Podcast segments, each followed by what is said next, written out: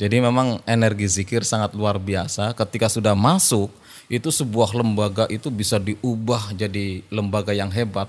Dan prestasi-prestasi anak akademik itu dari prestasi yang biasa sampai ke prestasi yang luar biasa anak-anaknya itu. Dan banyak kan prestasi itu ya dipegang oleh orang-orang siswa-siswa yang masuk TKN.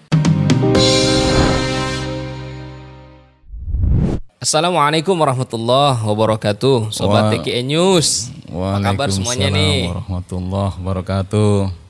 Mudah-mudahan semuanya pada sehat Lahir batin, cager bager lahir batin Amin, amin, amin. Hari ini saya Sepul Cerah Sudah kehadiran salah seorang guru Di SMP 269 Beliau juga merupakan Rois Syuriah NU Dan ini dia Assalamualaikum Pak Nursidin Waalaikumsalam warahmatullahi wabarakatuh. Saat Sehat Ustaz Alhamdulillah masih sehat.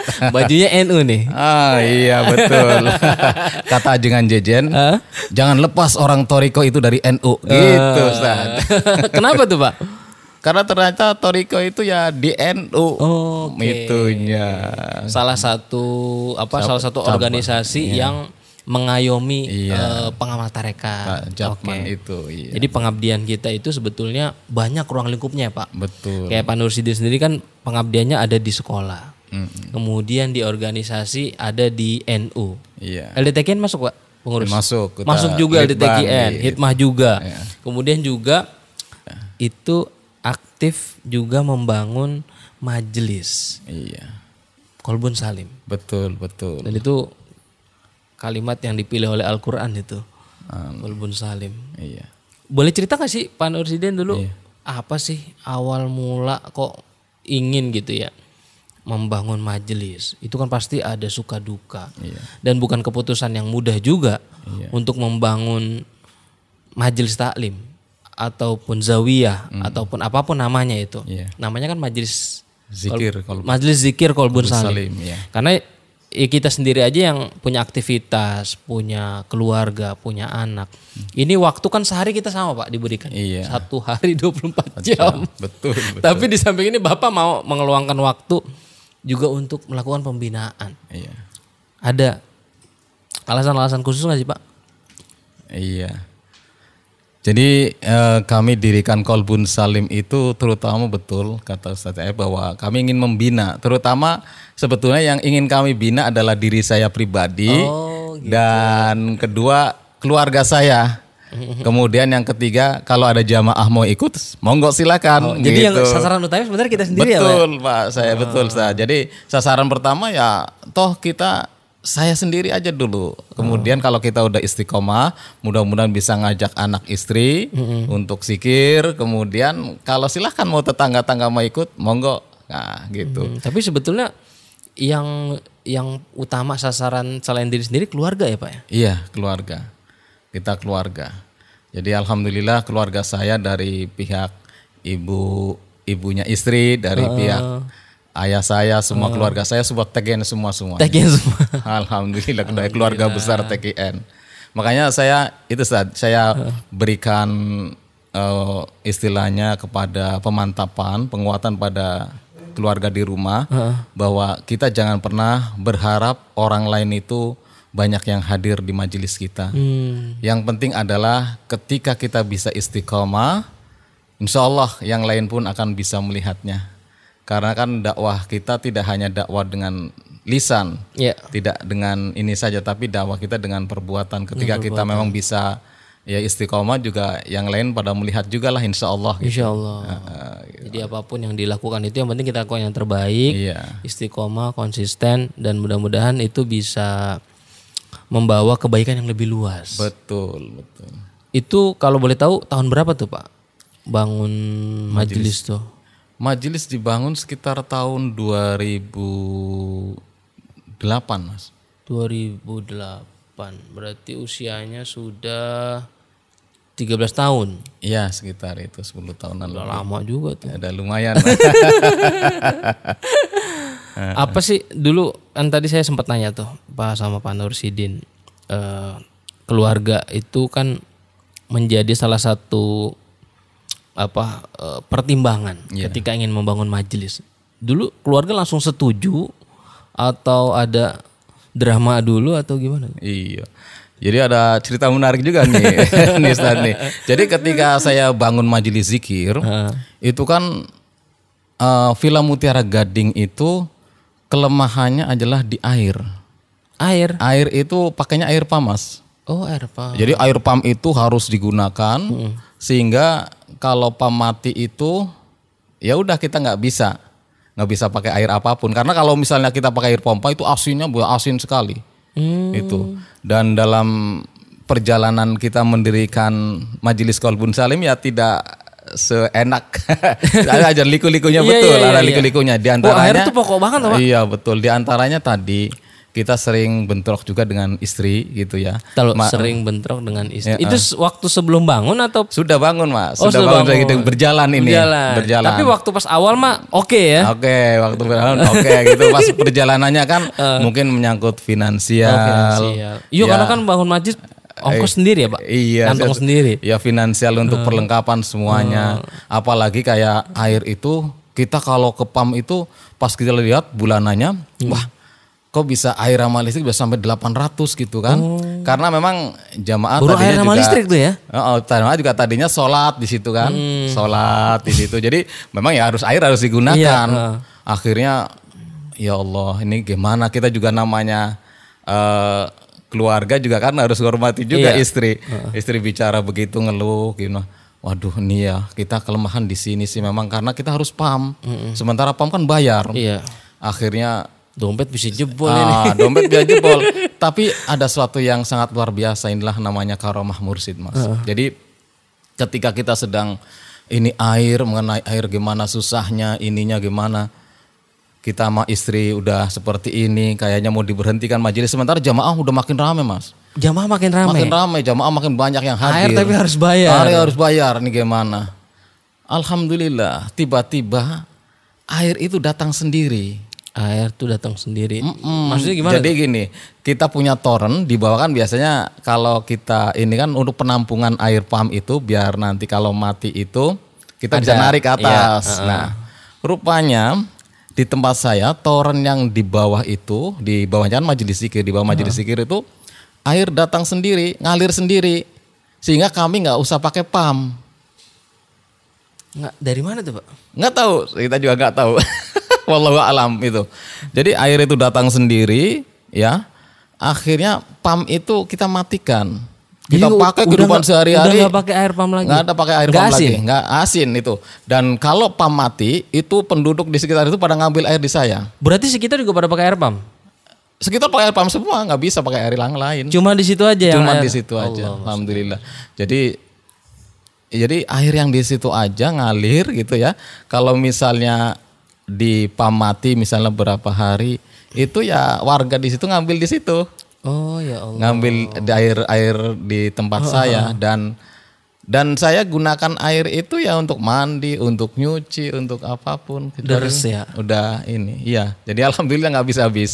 Allah. Jadi- itu sejak kan didirikan 2008. Iya. Itu mulai air muncul 2000 sekitar 2010-an lah ya. Oh, ketika memang ketika kita memang lagi Bener-bener. bentrok, lagi memang mau bentroknya. Tapi saya yakin ini majelis zikir bukan majelis saya. Ini adalah majelisnya Syekh Abdul Qadir. Allah. Saya yakin bahwa pasti akan berikan jalan keluar lah. Jangan jangan diberhentikan majelis zikir ini. Akhirnya Emang apa? sempat mau berhenti, Pak? mau berhenti karena istri memang udah nggak sanggup. Artian kita sudah ini, kita udah ini Hmm. Keluar dan modal, ya, keluar ya mohon tenaga, maaf saya keluar gaji ini. PNS kan ya Iya. jadi sekian gitu Hmm. kan. Kita nggak bisa nambah-nambah. Iya. Tapi alhamdulillah setelah itu ya air datang sendiri eh, dia ternyata semakin yakin semakin yakin semakin yakin akhirnya Hmm. dan yang tadinya kita bayar ya untuk sekian ratus ribu Iya. ya 400 800 kita untuk air aja sekitar sekarang itu sekitar abonemen aja jadi 60 ribu sampai sekarang gitu. Sampai sekarang. Sampai sekarang. Jadi itu masya Allah. Jadi ah, ini makanya ketika diriin majelis ya memang kita yakin bahwa bahwa majelis itu bukan milik kita tapi apalagi kayak majelis manakib itu ya milik Syekh Abdul Qadir apalagi kayak Abah pasti melihat lah ketika kita sedang berjuang seperti itu Karena memang yang kita perjuangkan juga iya ini sangat mulia. Iya betul jadi itu mas jadi Itu- alhamdulillah itu. Oke. Saya penasaran juga sama jamaah nih, sama Pak Nursidin. Itu rata-rata usia berapa? Jamaah itu kita usia 40 ke atas lah banyak 40 kan tahun ke 40 ke atas dan Model pendekatannya gimana sih Pak Nursidin? eh, Kalau di masyarakat Dakwahnya itu ya? ah, model dakwahnya gitu. kita Ngajaknya gitu. iya kita itu dakwah itu sudah ya dalam artian ketika saya baru pertama-tama di situ saya lihat dulu tuh para ustadz para RT RW gitu kan orang-orang yang punya kedudukan nih Iya, studi orang-orang yang punya kedudukan ini kita pengen mereka itu pada ikut Hmm, Nah. tokoh-tokohnya dulu nih. Iya tokoh-tokohnya gimana nih biar pada ikut. Nah, salah satu tekniknya kan dakwah ternyata tidak hanya dengan lisan saja kan? Iya. Tidak dengan lisan aja. Ayo kita ikut. Wah nanti ya ilmu saya juga pas-pasan nanti repot juga gitu kan? Ya kita gunakan teknik dakwahnya Rasulullah dengan bagaimana dia mengajak bagaimana dia ingin Umar bin Khattab dan Umar dari Abu Lahab itu bisa masuk Islam. Iya. Jadi dakwah birruh. Jadi sebelum kita ajak mereka, ya kita doain dulu lah mereka gitu Oh, kan. kirimin Fatihah kali itu. iya, kita kita kirimin. Sebut Fatihah. namanya satu-satu tuh, Pak. Iya, kita kan kita ada mursid juga kan Oh, tawasulnya iya, beliau. Alhamdulillah, Mas. Ketika sudah ini mereka kadang kala pagi-pagi datang gitu kita ajak ngobrol Wah, nih kena yang nih. nih kena gitu. Ah, kita eh para para ustadz akhirnya ustadz ustadz di situ ikut tuh. Hmm. udah ikut. Nah kemudian kita ajak juga yang lain-lain. Alhamdulillah. Dan di perjalanan dakwahnya kebetulan kami juga punya ikhwan yang sangat luar biasa Hmm. dari donatur yang luar biasa. Ini beliau dari Pertamina jadi apa pun fasilitas diberikan beliau Oh. itu di perjalanan dakwahnya nah kami terdukung dengan seperti itu akhirnya ya semakin banyak Jadi Karena kita- awalnya dibiayai sendiri, sama lama jamaah ikut ikut terlibat ya. Oh, juga. ikut terlibat. Ya alhamdulillah. Akhirnya kita juga pernah ya panggil para wakil talkin di sana Hmm. dan sudah beberapa orang yang ditalkin, hampir 300 orang 300 dia orang. itu ditalkin sama pakai wafi. Alhamdulillah. Itu jumlah yang rutin, Pak. Iya. Berapa orang tuh kira-kira tuh yang ke majelis? Kalau sekarang jumlah yang rutin ya sekitar 25 lah. 25 yang rutin. orang, 25 orang. Karena kita itu pembinaan bagi yang nggak ikut manakib di mana-mana gitu. Oh, jadi buat lingkungan orang dekat aja. Iya, kita lingkungan orang deket aja. Tapi kalau yang jauh datang ya monggo silahkan. Iya. Tapi Berarti terutama terbuka ya, Pak? Terbuka.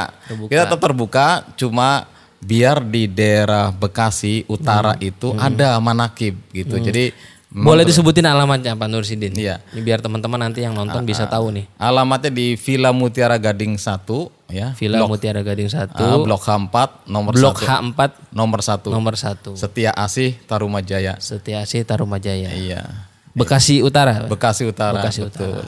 Oke, buat teman-teman nih yang rumahnya di Bekasi, Iya. ingin aktif mengamalkan amalia TKN, bisa langsung bergabung nih di majelis Alhamdulillah, monggo silakan. Zikir Kolbun Bun Salim. Salim. Iya, betul. Terus jamaahnya itu kan 40 tahun ke atas. Bapak juga nih berkecimpung bukan cuma di majelis, tapi juga di sekolahan. Di mana mereka ini anak-anak muda, calon penerus, calon pemimpin. Ada pendekatan khusus nggak Pak?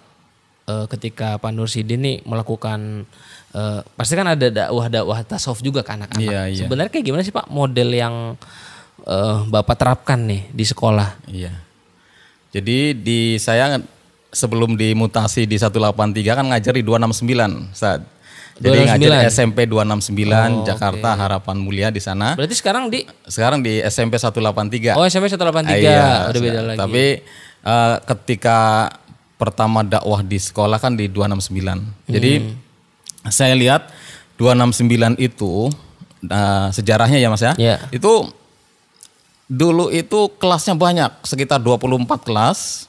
24 kelas dari kelas 1, 2, 3. Satu kelas itu 40 orang. Jadi penuh. kelas 40 orang. 12 kelas. 14 eh, 24. 24 kelas. 24 kelas. Berarti satu jenjang 8 kelas. 8 kelas. Satu kelas 40. 40. Bisa Banyak. dihitung tuh siswanya. Ribuan itu, Pak. Ribuan. Nah, saya lihat karena sekolahnya kebetulan sip ya waktu itu pagi Hmm. sore, saya lihat kok yang sholat duhur paling berapa orang? Lima orang. Hmm, Iya. Yang sholat asar paling 10 orang. Iya. Ini berapa dari sekian 800 lebih siswa? atau 700 lebih siswa kok cuma sedikit yang sholat pada ke mana? Hmm. Rupanya saat itu guru-gurunya pada mikirin diri sendiri mas. Jadi Jadi dimaksud mikirin diri sendiri gimana, Pak? ya nggak mikirin anak-anak sholatnya gimana. Oh, yang penting saya udah sholat. Yang penting udah sholat, Oh, jadi, jadi- sekedar menggugurkan kewajiban Iya, belajar selesai. Selesai. Dan ternyata masya Allah sangat luar biasa sekolah itu sekolah yang boleh dikatakan sekolah kumuh. Kenapa? Karena ketika kami sedang ngajar di situ, ya itu para pecandu narkoba itu nyuntik di situ siang-siang, bukan lagi ini Murid atau dari luar? dari luar. Kan itu kan perkampungan. Oh. Jadi Pecandu narkoba, narkoba itu di situ ada yang ya sampai Itu tahun berapa tuh, Pak? tahun 2000 2005-an lah, 2006 2007 karena kita kan baru nanti 2006-an kita Oh, ada berarti sebelum ber-TKN ya? sebelum ber-TKN. Nah, itu waduh sangat luar biasa itu. Jadi orang-orang yang mau nyuntik, yang mau wah pokoknya udah kayak apalah di situ, udah kayak Brooklynnya Jakarta. Wah, di karena memang penduduknya tadi kita di penduduk yang kumuh. Tapi pihak sekolah tahu itu. Tahu pihak sekolah tahu karena ketika pihak sekolah itu mau melarang, ya, maka dia berani. Orang-orang yang narkoba itu, eh kamu kan cuma ini, cuma numpang di sini kerja di sini. Saya kan penduduk sini. Kalau ini jadi dia anak berantem istilahnya. Iya, iya, iya. Ada kepala sekolah yang Berarti berani. banyak kalau gitu tuh. Banyak. Itu kemungkaran yang udah menjadi Oh, oh. Ya, sangat luar biasa. Jadi Iya, iya. udah yang sholat sedikit, narkoba di situ. Ya, anak-anak gimana tuh, Pak? ya anak-anak nggak teratur. Pokoknya kita pokoknya datang aja. Enggak maksudnya nggak terpengaruh juga. Ya bagaimana nggak terpengaruh ya lagi lagi begitu ya pada ngeliat lah kalau udah Oh, begitu. ya Udah transaksi pil di situ udah. Nah udah kacau seperti itu pihak sekolah juga nggak berani ngelarang karena mereka akan ditantang kalau melarang. Hmm. Kalau melarang itu sekalian mau jajak berantem sekalian. Ya mikir-mikir lah. Iya. Kepala sekolah juga di situ karirnya ya nggak mau dia ambil resiko. Udah biarin aja.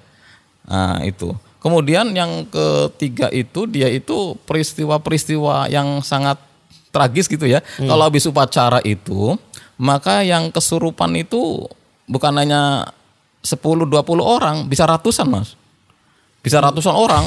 Jadi ada kasus kriminal, Kriminal. ya. ada kasus mistis juga. Mistis juga karena bekas kuburan. Oh, karena bekas kuburan sekolah. Sekolahnya bekas kuburan, jadi memang wajar gitu ya. Kalau habis upacara itu Iya, 100 orang kesurupan, 200 orang kesurupan, kan mulinya banyak kan ya. Gelap lah itu sekolahannya. Oh, gelap lagi. Udah begitu apa? Istilahnya prestasi itu paling jebot, paling belakang. Jadi dari prestasi akademik siswa, prestasi guru, prestasi akreditasi sekolah itu paling belakang. Ini kalau dibikin film bagus kayak. Bagus.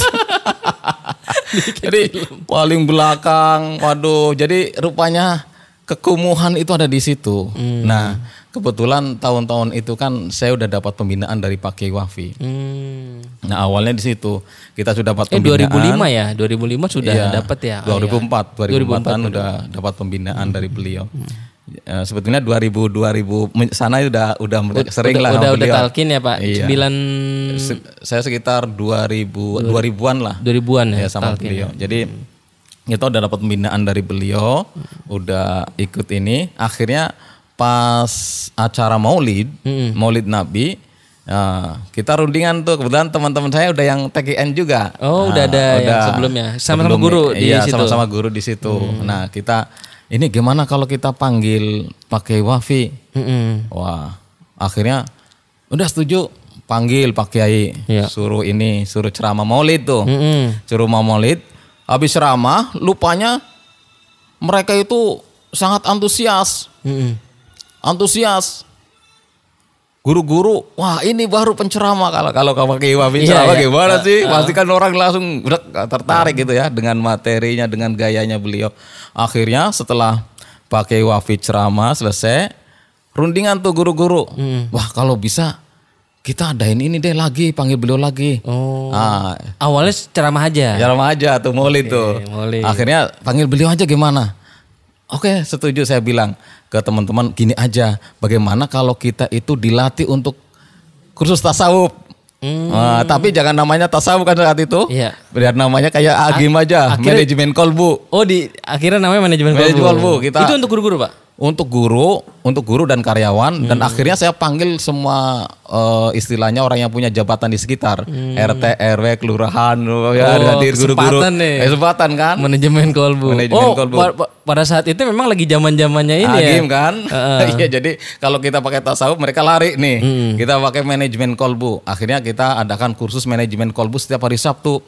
Nah cuma saat itu kan kita harus ada biaya. Ada biaya. Saya ngobrol sama temen, udah kita dekati aja kepala sekolah, barangkali bisa biaya ini, gitu kan? Mm-mm. Akhirnya saya dekati kepala sekolah, wah, Pak ini kita guru-guru minta ini nih, ada kursus manajemen kolbu. Alhamdulillah diterima. Alhamdulillah. Padahal biayanya banyak saat itu. 6 juta. Tahun itu kan duit itu lumayan itu. 6 juta. Terima langsung. Oke. Gak apa-apa. Adain aja. Kepala sekolah terima langsung. Tok. Akhirnya alhamdulillah karena saya lihat wah ini pematerinya bagus nih narasumbernya. Jangan kita aja nih, kita panggil sekolah-sekolah di sekitar. Undang. Undang sekolah-sekolah sekitar kita Mumpung undang. ada yang biayain. Ah, mumpung ada yang biayain. RT RW kita undang dan kayak konsumsi semuanya udah dari guru-guru nih banyak yang jadi donatur. Alhamdulillah. Nah, satu kali pertemuan, dua kali pertemuan banyak yang hadir itu. Kita dua lokal itu penuh. Akhirnya pas di hari terakhir itu diajakan talkin zikir. Hmm. Talkin zikir. Wah, udah talkin zikir. Tak rupanya udah ngena nih kan talkin terakhirnya. Akhirnya banyak yang masuk. Jadi kan hampir semua guru guru dan karyawan masuk TKN istilahnya. Akhirnya kita amalin tuh zikir Bareng-bareng. bareng-bareng di masjid, habis duhur, habis ini, pokoknya habis ini kita habis sholat kita terus Karena lah. guru-guru udah ditalkin. Karena udah ditalkin. Berarti murid-murid otomatis Belum, Oh, murid belum, murid-murid belum. Nah, habis ditalkin, ah, rupanya ketagihan kan, enak. Wah, enaknya jadi tenang nih hati. Jadi motivasi untuk berbuat kebaikan banyak nih. Hmm. Akhirnya mikir, gimana kalau murid-murid juga ditalkin nih? Mm-mm. Oke, ayo kita talkin juga Oh, murid-murid. Akhirnya kita murid-murid kita ajak tuh. Ada kadang-kala ada manakib di Rawamangun kita ajak, kadang-kala kita panggil Pak Oh, Kiai. sistemnya eceran ya? Pokoknya eceran. Enggak, kita ngajak juga sekali ngajak 60 orang gitu. Oh, itu banyak pak. Banyak kita sekali ngajak, sekali talkin kadang-kala sampai 300 orang. Jadi yang ngajak wali kelas gitu. Iya, kita tapi koordinatornya kita. Koordinator kita. Nah, dan kita alhamdulillah udah dapat dispensasi kan dari pemimpin istilahnya ini pasti baik nih gitu kan.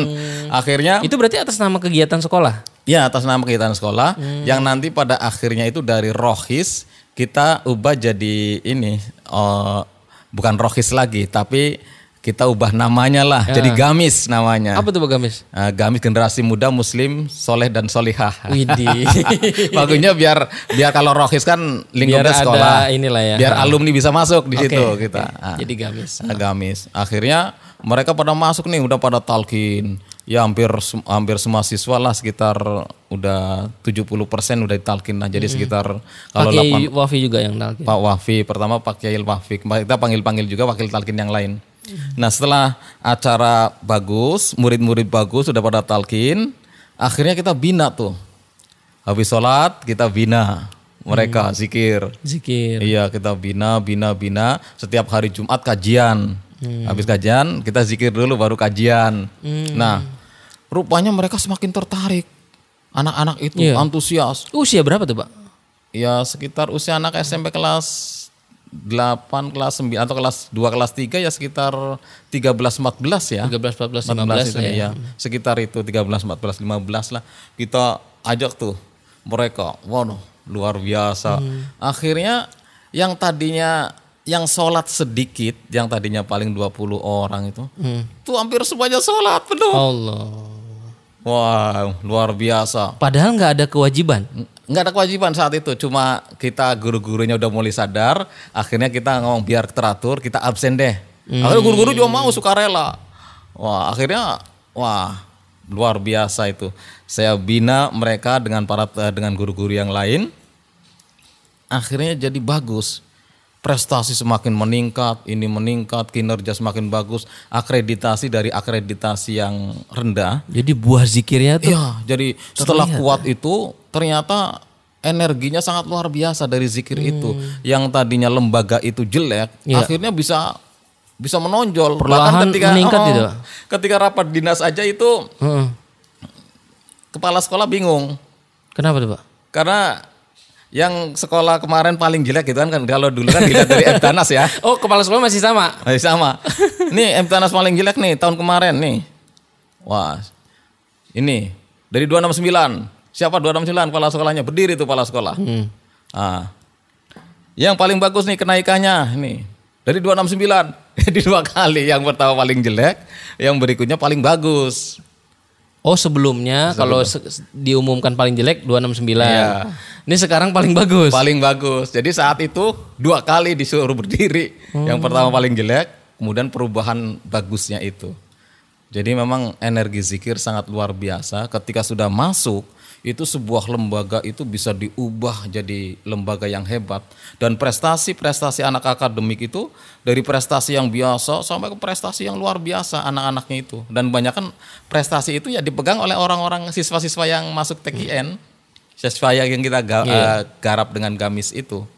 Nah, itu dan di selang begitu berikut-berikutnya itu ternyata yang tadinya narkoba di situ sarang, yang tadinya ada. Ke mana tuh akhirnya tuh? Nah, itu rupanya kita kedatangan kepala sekolah yang ahli strategi.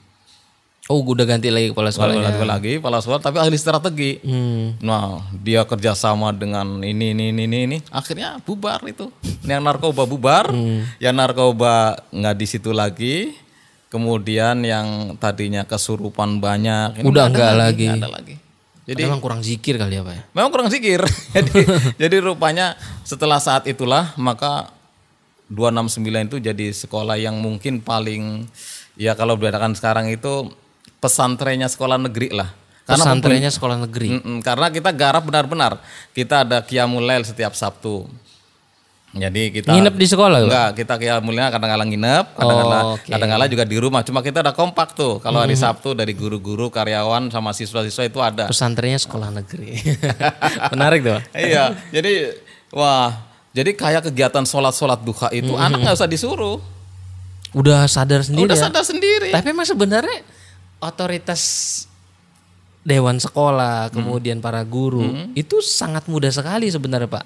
Ketika otoritas itu digunakan untuk Iya, mendakwakan tarekat. ya. betul. Kita nggak kebayang misalkan ada 10 kepala sekolah TKN.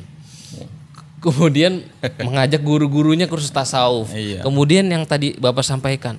Ini kan di convert. Iya. Pada akhirnya SMP 269 itu jadi sekolah yang hebat dengan adanya zikrullah tersebut. Jadi buah zikrullah itu peningkatan prestasi, pembentukan akhlak, kemudian eh, disiplin beribadah, juga prestasi belajar anak meningkat.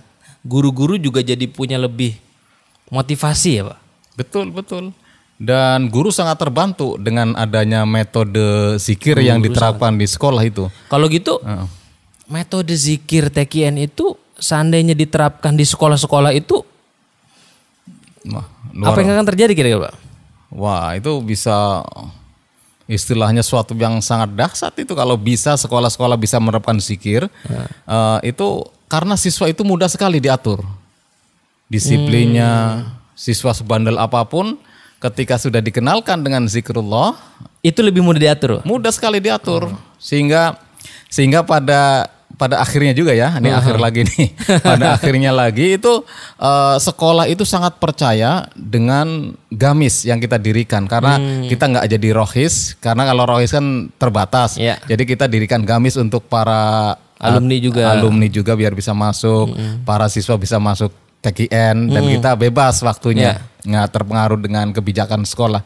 Maka pada akhirnya sekolah pun eh, percaya sekali dengan TKN, wadah TKN di sekolah tadi yang namanya gamis tadi. Jadi segala apa pun misalnya mengenai ya keterlibatan pelajar yang tidak bagus atau pelajar-pelajar yang kurang baik atau pelajar-pelajar yang sudah diatur oleh gurunya Iya. atau sudah masuk ke dalam BP ya, mau bimbingan konseling atau apa dia udah nggak bisa ditangani, maka kita yang suruh nangani mereka gitu. Kita yang suruh nangani biar mereka itu bisa jadi anak yang baik gitu. Ya kalau misalnya di sekolah itu biasanya or anak ingin belajar bisa ngaji, Iya. dimasukkanlah metode misalnya tilawati, Iya. metode kiraati. Betul. Anak mau bisa berenang, didatangkan guru renang. Iya. Pengen bisa main basket, masukkan guru basket, ekskul basket. Iya. Nah, ini kan sekolah tujuannya salah satunya adalah ingin membentuk pribadi siswa yang beriman, bertakwa, apa bahasanya berkarakter lah. Iya, betul. Maka metodenya metode zikrullah. Iya. Cuman pemahaman seperti ini kenapa belum banyak ya, Pak? Iya, iya. Dipahami oleh guru-guru. Karena gurunya sendiri belum mengalami sih. Kalau mereka Kuncinya situ ya, Pak? Karena iya, guru sendiri belum mengalami. Belum mengalami. Ketika mereka sudah masuk, ketika mereka sudah mengalami bagaimana dahsyatnya zikrullah, pasti mereka pun punya hero, punya hero dalam artian sebetulnya metode ini kita bisa terapkan, bisa bisa terapkan di sekolah dan sekolah itu jadi hebat. Ya, ya contoh kasus aja. Nih anak-anak yang dia punya ya punya istilahnya anak yang bandel lah. Iya. sudah mau dikeluarkan sudah mau di ini sekolah sudah nggak sanggup lagi mau dipulangkan ke orang tua. Maka ketika mereka diserahkan ke gamis ya ke TKN Jadi tadi Gamis wadah itu kayak semacam pusat rehabilitasi gitu ya, Pak? Iya nggak nggak. Cuma wadah pembinaan Oh iya, wadah aja. pembinaan lah. pembinaan. Pembinaan kita untuk zikir TKN pembinaan kita untuk tausiah itu pembinaan itu dari gamis. Maka ketika sudah dimasukkan di gamis tadi mereka jadi baik. Dan guru pun mau terima lagi dan jadi anak yang sukses Jadi juga ini- karena ini- lulus gitu. Apa guru kelas wali kelas udah nyerah, ya BK udah nyerah, Iya. udah dikasih gamis. Eh, ya udah kasih gamis saja nih biar dibina. Biar dibina. Dan kita siap. Nah, kadang kalau sudah udah siswa nih kasus misalnya dia udah nggak bisa dididik, udah wali kelas udah nggak bisa, guru nggak bisa, BP udah kewalahan juga. Kita didik, oke gamis selain gamis, maka biasanya saya konsultasi dulu sama anaknya. Kamu, saya bisa bimbing kamu, tapi orang tua kamu harus datang ke sekolah. Akhirnya ketika orang tua datang ke sekolah, ya, oke, datang saya bisa ngasih jalan keluar anak ibu, tapi syaratnya satu, ibu harus talkin. Ibu harus belajar zikir dulu, sebab metode kita itu bukan metode yang ini, metode yang Metode yang bisa dipraktekkan oleh orang sibuk sekalipun. Iya, pokoknya syaratnya tadi ibu harus Mau ya? belajar zikir Belajar dulu. zikir. Ah, ibu belajar zikir dulu, datang ke Rawamangun, nanti baru saya Oh, em, datang ke Rawamangun? Iya, kan talkinya di Oke. sini. Was Manakib. Jadi pas manakib. Iya, Was Manakib ibu Janjian datang. berarti ya? Iya. Janjian kita datang ke sini, nanti ibu talkin. Kalau sudah ibu belajar zikir, ah, nanti saya berikan arahannya bagaimana cara mendidik anak ibu gitu. Hmm, jadi bukan cuma anaknya. Enggak. Karena bisa jadi anak nakal itu karena pengaruh atau Orang tuanya juga. orang tua juga yang mungkin abai, Iya. broken home dan lain sebagainya. Betul. Menarik tuh Pak, Iya. metode zikir diterapkan di sekolah-sekolah untuk bukan hanya meningkatkan prestasi belajar, tapi juga untuk membenahi anak-anak yang dalam tanda petik Hmm. Iya. dianggap eh, Bermasalah. bermasalah. Dan saya gunakan metode ini ya seperti yang arahan dari Pak Kiai Wafi sebetulnya. Mm-mm. Jadi kita itu ibaratnya satelit. Satelit. Itulah, itilahnya kita itu guru, orang tua, orang tua, kemudian ini anak, kemudian ada satelit Allah Subhanahu wa taala. Sementara yang membolak-balikan hati itu kan Allah. Allah betul. Nah, supaya kita orang tua itu langsung aja ke satelitnya gitu. Sebab kalau sifatnya horizontal Hmm. Iya. ke anak, anak itu mudah sekali sekarang ini di depan orang tuanya begini begitu Kelihatan nanti. manut, nurut gitu. iya. Pas giliran keluar, waduh masalah lagi. Giliran ini Hmm. begini begini. Tapi ketika kita metodenya seperti tadi, serahkan dulu. Serahkan dulu ke satelit tadi ke Allah Subhanahu wa taala dan satelitnya kalau dia udah talkin kan kita bisa lewat mursid Hmm. gitu. Jadi lebih enak sebetulnya satelitnya itu tinggal tadi. nyambung-nyambungin aja. nyambung nyambungin aja. Tapi kalau dia belum masuk TKN, saya nggak bisa terangin begitu. Mm-mm, mm-mm. Nggak bisa terangin model begitu bahwa harus nyambung dulu ke mursid, baru tuh langsung Iya kayak ke- orang mau mau mau, mau pinter belajar ngaji tapi nggak mau ikut metode belajar ngaji sang guru nggak bisa. Iya, Harus bersedia dulu ya. harus bersedia dulu. Kalau ibu siap bersedia, saya siap gitu. Jadi akhirnya mereka alhamdulillah orang tuanya berdua datang ke sini. Ya sudah kita terapkan metode itu apa cerita orang tua yang sudah ditalkin Hmm. atau mengalami eh, mengalami proses. Hmm. belajar zikrullah tuh pernah cerita apa? Ngasih testimoni. Eh, jadi anak-anak ketika sudah diajarkan zikrullah itu kadangkala orang tuanya itu senang. Karena mereka tadinya sholatnya nggak rajin jadi rajin, yang tadinya nggak tahajud jadi tahajud. Akhirnya kita kadangkala nggak tahu. Pas selesai ya selesai ujian atau apa tiba-tiba orang tua ngasih nih terima kasih gitu. Terima kasih anak saya udah dididik seperti itu. Padahal kita mah nggak tahu anak Iya. itu bener apa enggak setelah diajarkan seperti itu. Rupanya mereka membekas dan orang tuanya melihat kok anak ini jadi sekarang lembut gitu anak ini. Ya. Perangainya berubah. Perumahannya berubah. Ya karakter tadi. karakter. Padahal pendidikan karakter belum masuk tuh tahun-tahun begitu tuh. Ya Allah. Kita semakin yakin ya Pak iya dengan metode zikir yang diajarkan oleh Abah Anom Iya betul. Kita semakin yakin bahwa itu bisa mengubah, mengubah pribadian, mengubah karakter. Betul. Karena sesuai dengan apa namanya juga eh, muatan tasawuf itu sendiri kan tasfiyatul qulub, Iya. takwimus suluk untuk merubah karakter, membentuk kepribadian. Ini yang menarik juga tadi Bapak sempat bicara tentang eh, sekolah negeri, pesantrennya sekolah negeri. iya iya. Artinya ketika orang berTKN, dia secara tidak langsung sebetulnya dia sedang pesantren ya Pak. Iya. Tetapi pesantren yang tidak harus mondok di satu pondok tertentu. Iya. Tetapi dia dalam kesehariannya dia mengamalkan zikrullah, kemudian menjadi kalau anak menjadi lebih berbakti kepada orang tua, orang tua kepada anak menjadi lebih sayang, bekerja menjadi lebih Enak. Optimal, kemudian belajar juga anak menjadi lebih disiplin. Ini kan metode yang semakin relevan, Pak. Ketika orang tua bingung, anak saya nggak mau nih dimasukin pesantren, masukin aja TGN. Iya. Anak saya nggak mau nih mondokin Ustadz, saya nggak mau jauh-jauh jauh-jauh dari anak. Cukup aja di TKN kan. Gitu Ustadz. Iya. Bisa juga seperti itu karena akhirnya yang tadinya sekolah itu dijauhi masyarakat nih Stan. Jadi dijauhi masyarakat itu nggak mau anak nyekolahin di situ. Wah paling juga narkoba paling juga begini. sempet- sempet stigma negatif Iya, banget ya? stigma, "Ah, nggak mau gitu. Akhirnya mereka itu mau lihat kegiatannya itu mau. Karena di SMP 269 itu karena kita udah dikasih kepercayaan, kita buat sistem metode. Jadi berdoa itu tidak hanya untuk pulang dan masuk saja. Jadi Hmm. setiap guru masuk itu kita harus berdoa.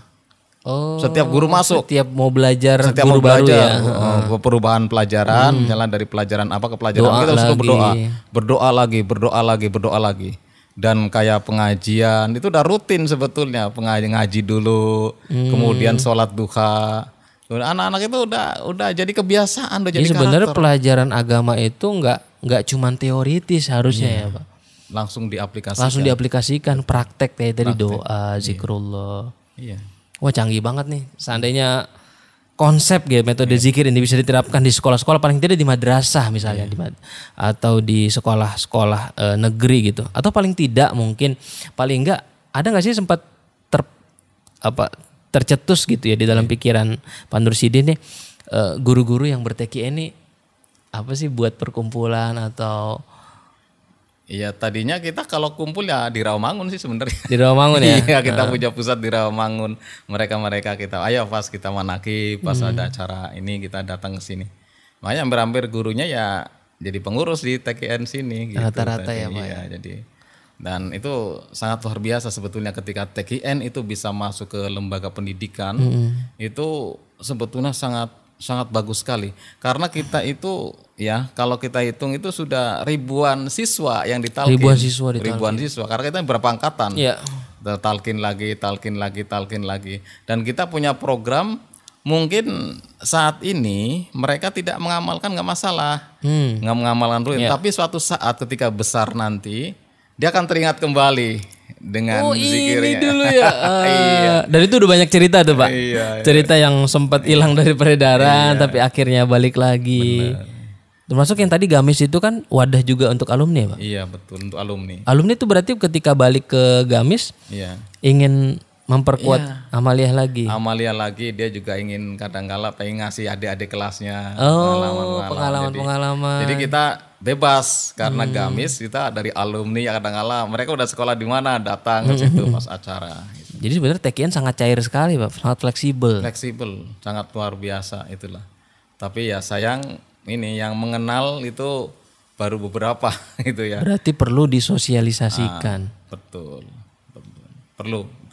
Dan sebenarnya bukan cuma disosialisasikan, tapi harus lewat tadi tuh otoritas paling cepet ya pak. Iya, ya, setidak-tidaknya inilah kalau ada acara-acara hari besar Islam, panggillah wakil talkin gitu. Nah, Gitu. kalau dari besar panggil wakil talkin. Iya, Paling enggak 200 300 jamaah mah ditalkin ya. Amin, betul. itu aja kuncinya dulu. Itu aja Mereka kuncinya. Udah kenal, Iya. nah udah kita tinggal bina aja. Tinggal bina. Oke. Kalau yang saya tangkap dari cerita Pak Nur Sidin nih dakwah dan pembinaan itu satu kesatuan. Iya, Tidak bisa dipisahkan. Jadi ketika kita berdakwah supaya orang sama-sama belajar zikir, belajar menuju Allah. Kita nggak bisa lepas sampai situ aja. Selesai ditalkin, tapi juga Pak Nur Sidin melakukan pembinaan, dengan membangun majelis zikir Kolbun Salim. Ini kan satu proses yang tidak terpisahkan Iya. dari dari hulu ke hilir. Iya, zikirnya diarahkan supaya orang ikut belajar zikir tapi juga dibina. Betul, betul. artinya kan dakwah dan pembinaan itu satu kesatuan tidak bisa dipisahkan. Mungkin itu yang bisa kita tangkap nih dari pesan eh, cerita Pak Nur Sidin nih. Iya. Pembinaan memang memang perlu sekali pembinaan. Jadi jangan biarkan eh, jamaah itu talkin sekedar talkin tanpa adanya kita bina ya sudah lewat. Tapi ditalkin nggak mau ngamalin lagi. Iya. karena pembinaan penting. Makanya ada zawiyah atau majelis-majelis zikir di satu tempat itu penting. Kenapa? Karena itulah mungkin orang lupa suatu saat tapi ingat kembali ingin datang ke situ. Suatu saat. Ingin. Iya ya kalau apa namanya minimart aja ada franchise-nya kan di mana-mana orang mau belanja mudah gitu iya ini juga orang pengen belajar zikir harusnya dipermudah Bener. Padahal paling susah kan nyari majelis zikir. Iya, Pak. Kalau majelis taklim banyak. Majelis taklim banyak. Iya di mana-mana ada. Tapi ada majelis zikir itu nyarinya yang susah. apalagi yang memang TKN Pak. Wah yang TKN lagi itu. Majelis Zikir TKN ada berapa sih Pak? Pernah ada pendataan gak sih?